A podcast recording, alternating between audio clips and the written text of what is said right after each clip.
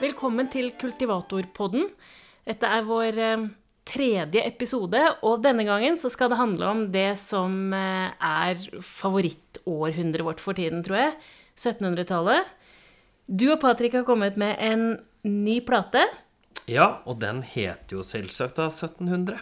Ja, men først, fortell litt, da. Du og Patrick. Ja, vi eh, ble kjent på Norges Musikkhøgskole da faktisk vi to var de første som studerte norsk folkemusikk på Norges Musikkhøgskole. Han kom inn samtidig med meg, og radioene heiv seg over Patrick fordi han var en svenske som kom inn på det norske folkemusikkstudiet. Og I dag så er kanskje ikke det så veldig unaturlig, for nå går det masse internasjonale studenter på Norges musikkhøgskole. Men på den tiden her så var det veldig rart at det kom inn en svenske og skulle studere norsk folkemusikk. Men han var der, og det blir jo slik at vi ble veldig gode venner og spilte mye sammen. Og dro reiste mye rundt og lærte mye av Sven Nyhus, som da er vår læremester. Og vi har nå gitt ut to plater før. En som heter 'Finnskogen brinner', og en som heter 'Grådask', eller 'Gråvær'. Og nå bestemte vi oss. Nå skal vi dykke ned i det som vi virkelig syns er favorittida vår, nemlig 1700-tallet. Ja, det er ikke få, faktisk, som har kalt dere Knoll og Tott. For dere er, eh, dere er rimelig samstemte, og dere fullfører ikke bare hverandres setninger, men også hverandres eh, fraser i musikken. Hva er det som er så spesielt for å få til det, det tette samspillet som dere har? Vi spiller sammen fordi vi liker å være sammen. Vi, ikke, vi lager sjelden arrangementene og bruker mye tid i finale eller andre sånne fancy program. Vi, vi leker oss med låten, og så improviserer vi annenstemmer til hverandre. Og for å få dette til, så må vi være ganske gode venner, forstå litt lynnet lynne til den andre, og klare å lese den andre godt. Og vi to, vi leser hverandre godt. Og i tillegg til det, så, vi, så fyller vi hverandre ut.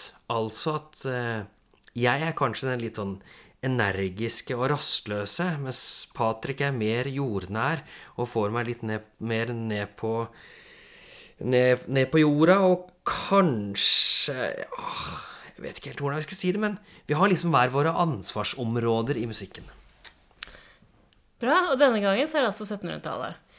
Og eh, plata har utgangspunkt i notebøker. Hva slags musikk er det dere har funnet i disse notebøkene?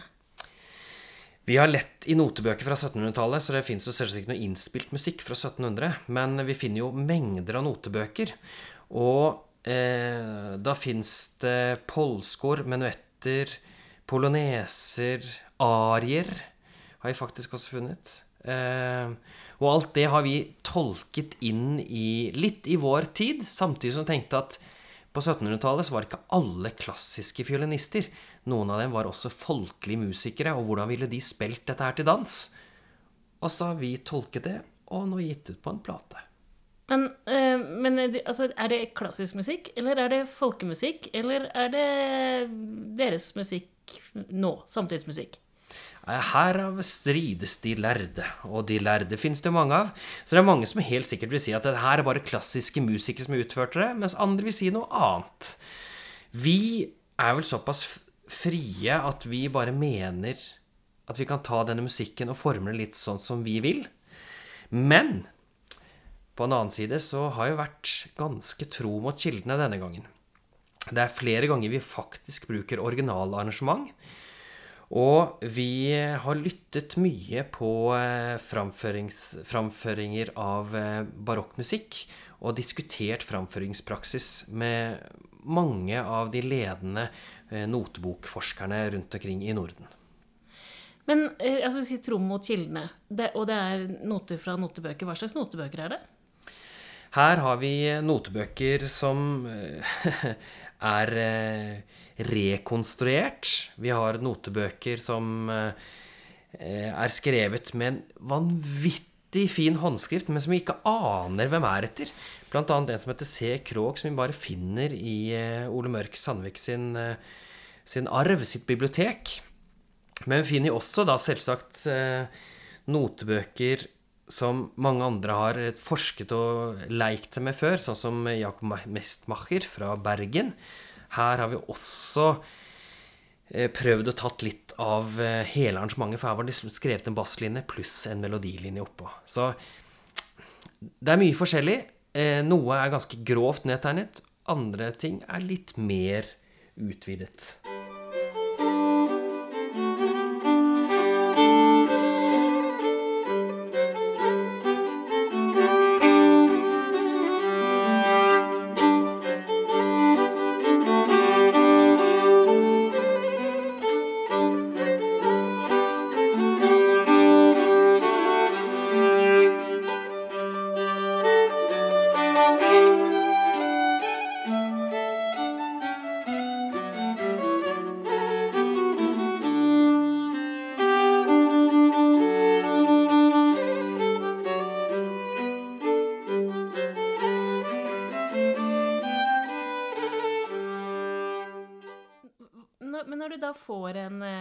Notetegning som bare er en liten melodilinje, hva gjør dere med den da? For at vi skal kunne tolke det, Patrick og jeg, så må vi rett og slett spille igjennom det mange, mange, mange ganger til vi prøver å få en felles oppfattelse av hvordan vi skal gjøre det. Hvis det er slik at Patrick har eh, funnet en melodi, så lærer han det bort til meg, og så diskuterer vi og leker litt med den melodien. Og enten så faller vi inn for den begge to, og da blir den med på plata, eller så kaster vi den. Eh, så vi har jo spilt gjennom eh, jeg vet ikke hvor mange notebøker og hvor mange noter vi har spilt på kveldene i, i Sverige der hvor vi har øvd. Men det er ikke så rent få, altså. Så det som har kommet med på den plata her, er jo rett og slett det som vi syns er toppen, og det som vi føler at vi kan forme med vår, vårt musikalske uttrykk. Ja, så det er ikke en ren 1700-talls dokumentasjonsplate. Det handler jo om hva man kan finne på 1700-tallet. Ja, det er jo ikke en dokumentasjonsplate i den forstand, men samtidig så har vi lyst til å si at dette er vårt eh, vårt innlegg i debatten om hvordan man kan framføre 1700-tallsmusikk. Vi har ikke nå eh, gått og framført eh, notebøker med føss og eh, elektriske instrumenter. og noe. Vi har tatt instrumenter som fins på den tida. Tilnærmet i hvert fall. Vi hadde ikke akkurat riktig pianoutgave. Men alt det andre har vi tatt. Og så har vi prøvd å framføre det på en måte som vi tror at kunne blitt på 1700-tallet. Men dette her vet jo ingen. Så, men kall det et innlegg i musikkdebatten. Ok, Hvordan, hvordan tenker dere? Hvordan høres 1700-tallet ut? Grovt, eh, men veldig fokus på dans, for dansen var jo viktig i alle disse Altså der hvor den, disse notebøkene kommer fra. Det, det er helt klart at referansen til dansetyper og dansenedtegnelser og eh, at folk danset de melodiene, at det var derfor de ble spilt, det er såpass viktig. Så da kan ikke vi spille eh, en melodi uten at det går an å danse til den, uten rytme. Ja, som jeg kanskje vil si at noen som tolker disse notebøkene, gjør, da. Men vi har valgt å legge oss tro mot Altså legge oss opp til et dansende ideal.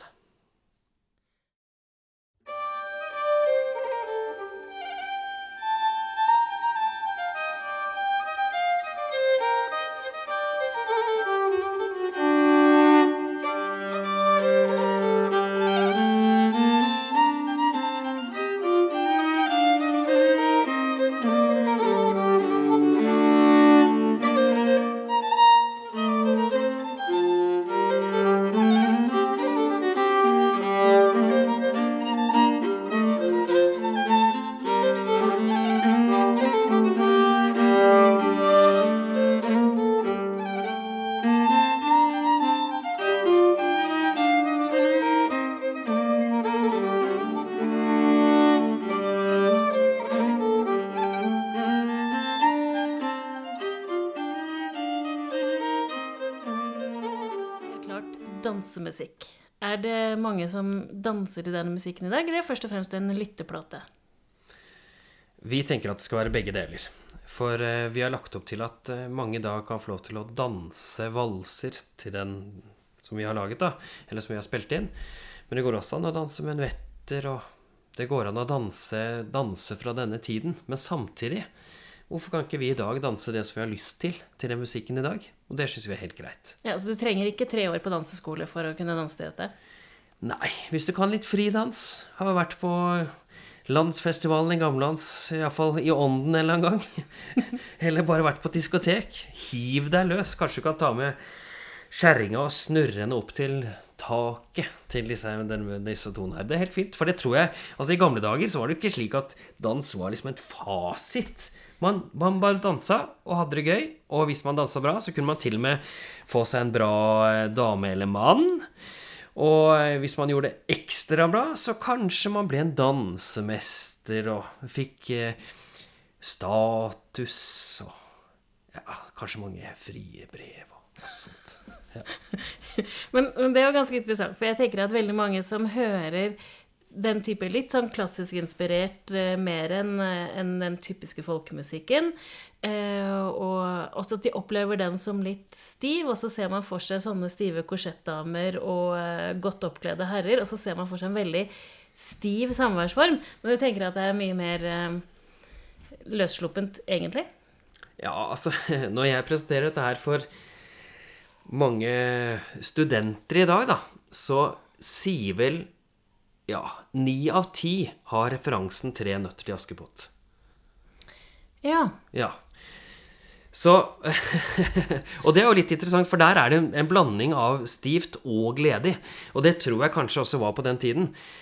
Um, men du, du, skal ikke få meg Altså, jeg er helt sikker på at ungdom på den tiden er som ungdom i dag. Det er ikke slik at ungdom på den tiden er nektet eh, Altså ville være fin og pertentlig hele tiden og aldri gjorde noe galt og danset pyntelig. Selv om de sikkert fikk beskjed av sin danselærer at eh, de skal ta to chassé-trinn frem, og så et eh, nei, men kan, eh, så et bukk eller noe. Men kanskje de valgte å gjøre noe annet der. For dansemesteren var ikke der. Ja, altså, ungdom er like upålitelig i dag som før. Eller motsatt. Like full av moro og ablegøyer som før. Ja, ja, det tror jeg du har veldig rett i. At uh, når vi leser historie i dag, så ser vi reglene, og så tror vi at reglene ble fulgt.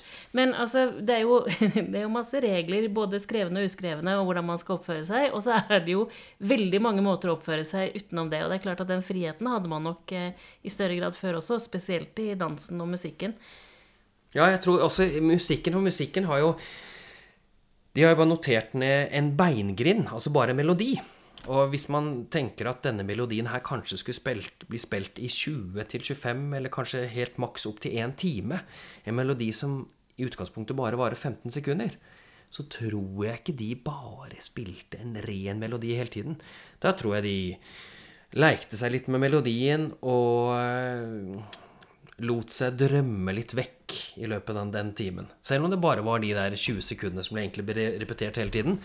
Så kanskje de spilte en oktav opp, altså litt lysere. Kanskje de spilte litt mørkere. Kanskje de begynte å synge litt. Hva vet vel jeg.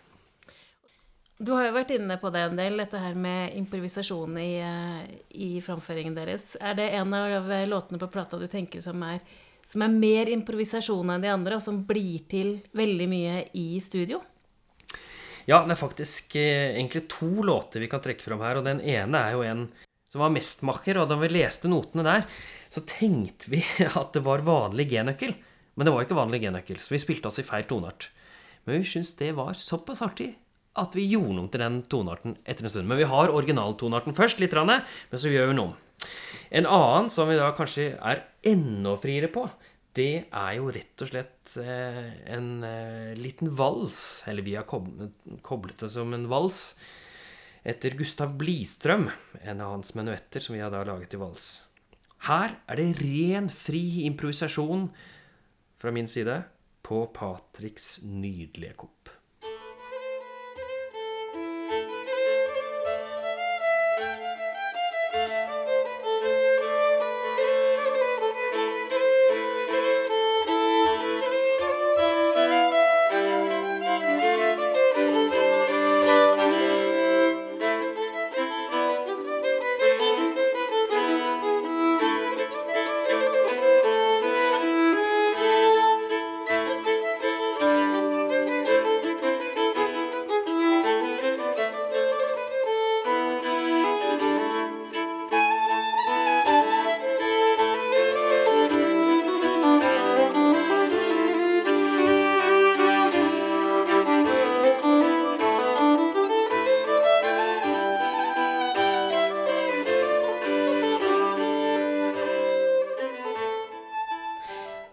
Tilfører det eh, låtene når dere improviserer sånn?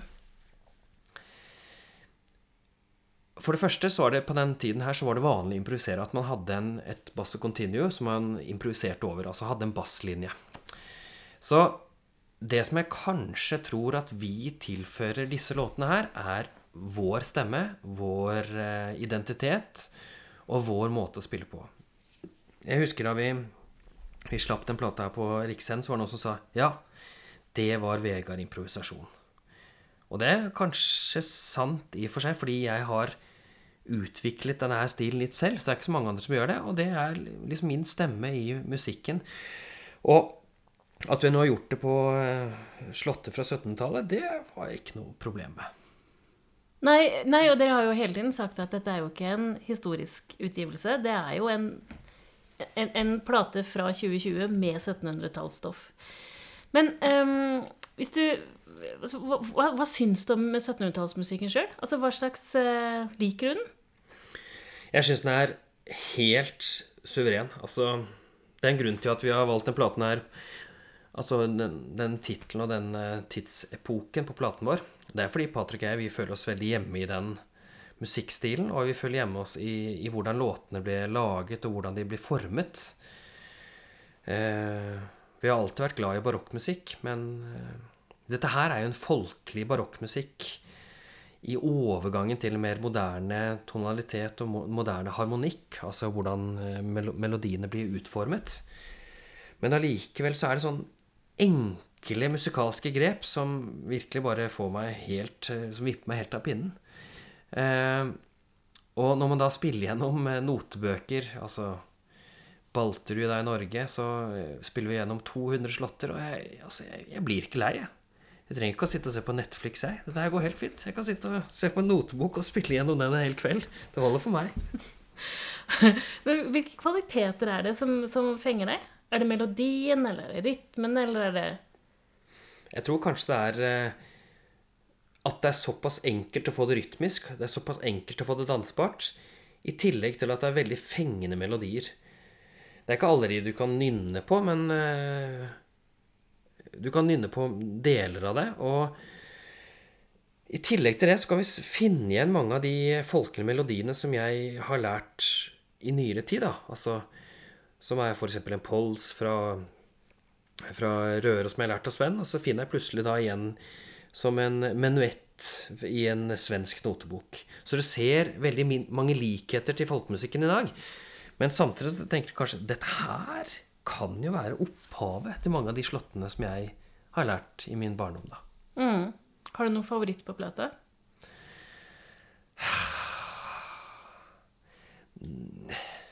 Jeg har mange favoritter. Men eh, kanskje en av de som jeg syns var morsomst altså, å gjøre, det tror jeg var disse låtene etter C. Krog. For det er såpass spesiell notebok som vi ikke vet noe om. Og det gjør at vi står litt mer friere, for da har ikke vi vi har ikke noen historie som lar oss påvirke eh, musikalsk eller framføringsmessig, da. Så vi har to låter der, og den ene er veldig vakker. Det er en eh, Menuett, og den eh, tror jeg kanskje er min favorittlåt. Men i tillegg til det så er det Marseianernes marsj. Og den, er, eh, den låta avslutter vi hele platen med. Og det er liksom Folket tar den, denne her marsjen og gjør på sitt vis, da. Ok, Er det, altså, er det, er det opptakten til den franske revolusjonen her? Jepp. Ja, bare et I C. Krog sin variant. Og denne noteboken er datert 1799.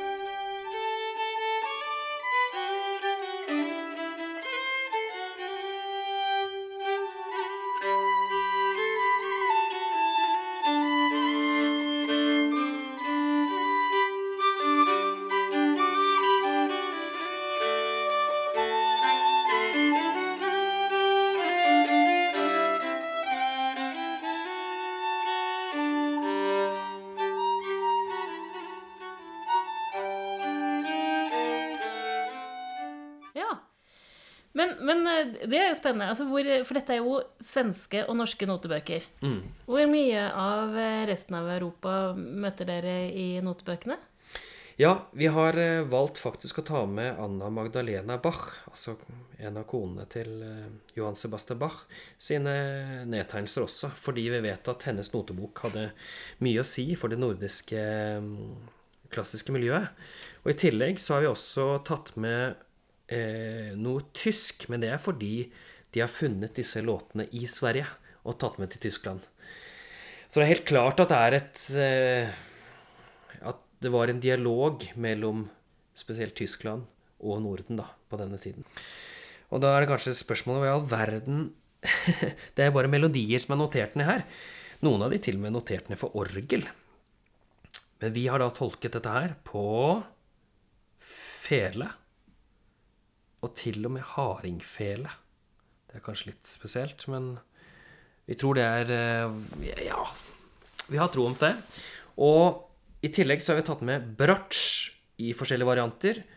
Og et par av låtene har også fått piano. Men eh, har ikke vi noe 1700-tallspiano her, så vi har bare et helt vanlig piano. Men derfor vi har prøvd å farge alle slåttene litt ulikt. Eh, noen veldig kammermusikalske, mens andre er ekstremt frie.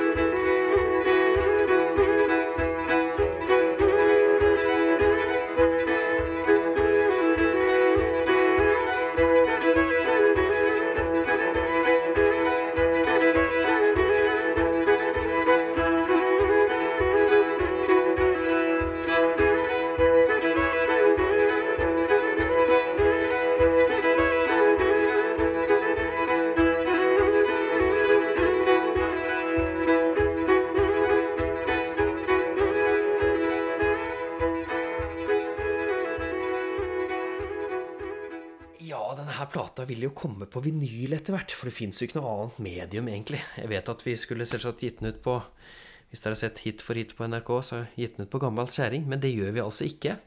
Vi velger det nest beste, nemlig vinyl. Eh, men i tillegg så kommer den nok på CD også. Eh, og den fins allerede nå på strømming på eh, diverse strømmetjenester som Tidal og Spotify, men kanskje kjøp den på Apple Music eller noe. Og det er jo selvsagt Talik som har gitt ut dette her. Vårt kjære, vårt kjære plateselskap, som har gitt ut alle våre plater. Og designet denne gangen, det er IKV Design. Her i Vågå. Vi bruker jo lokale folk, må da vite. Selvfølgelig. Og det er et håndtegnet cover. Selvsagt. Vi leker ikke. Vi leker ikke 1700-tall. Nei.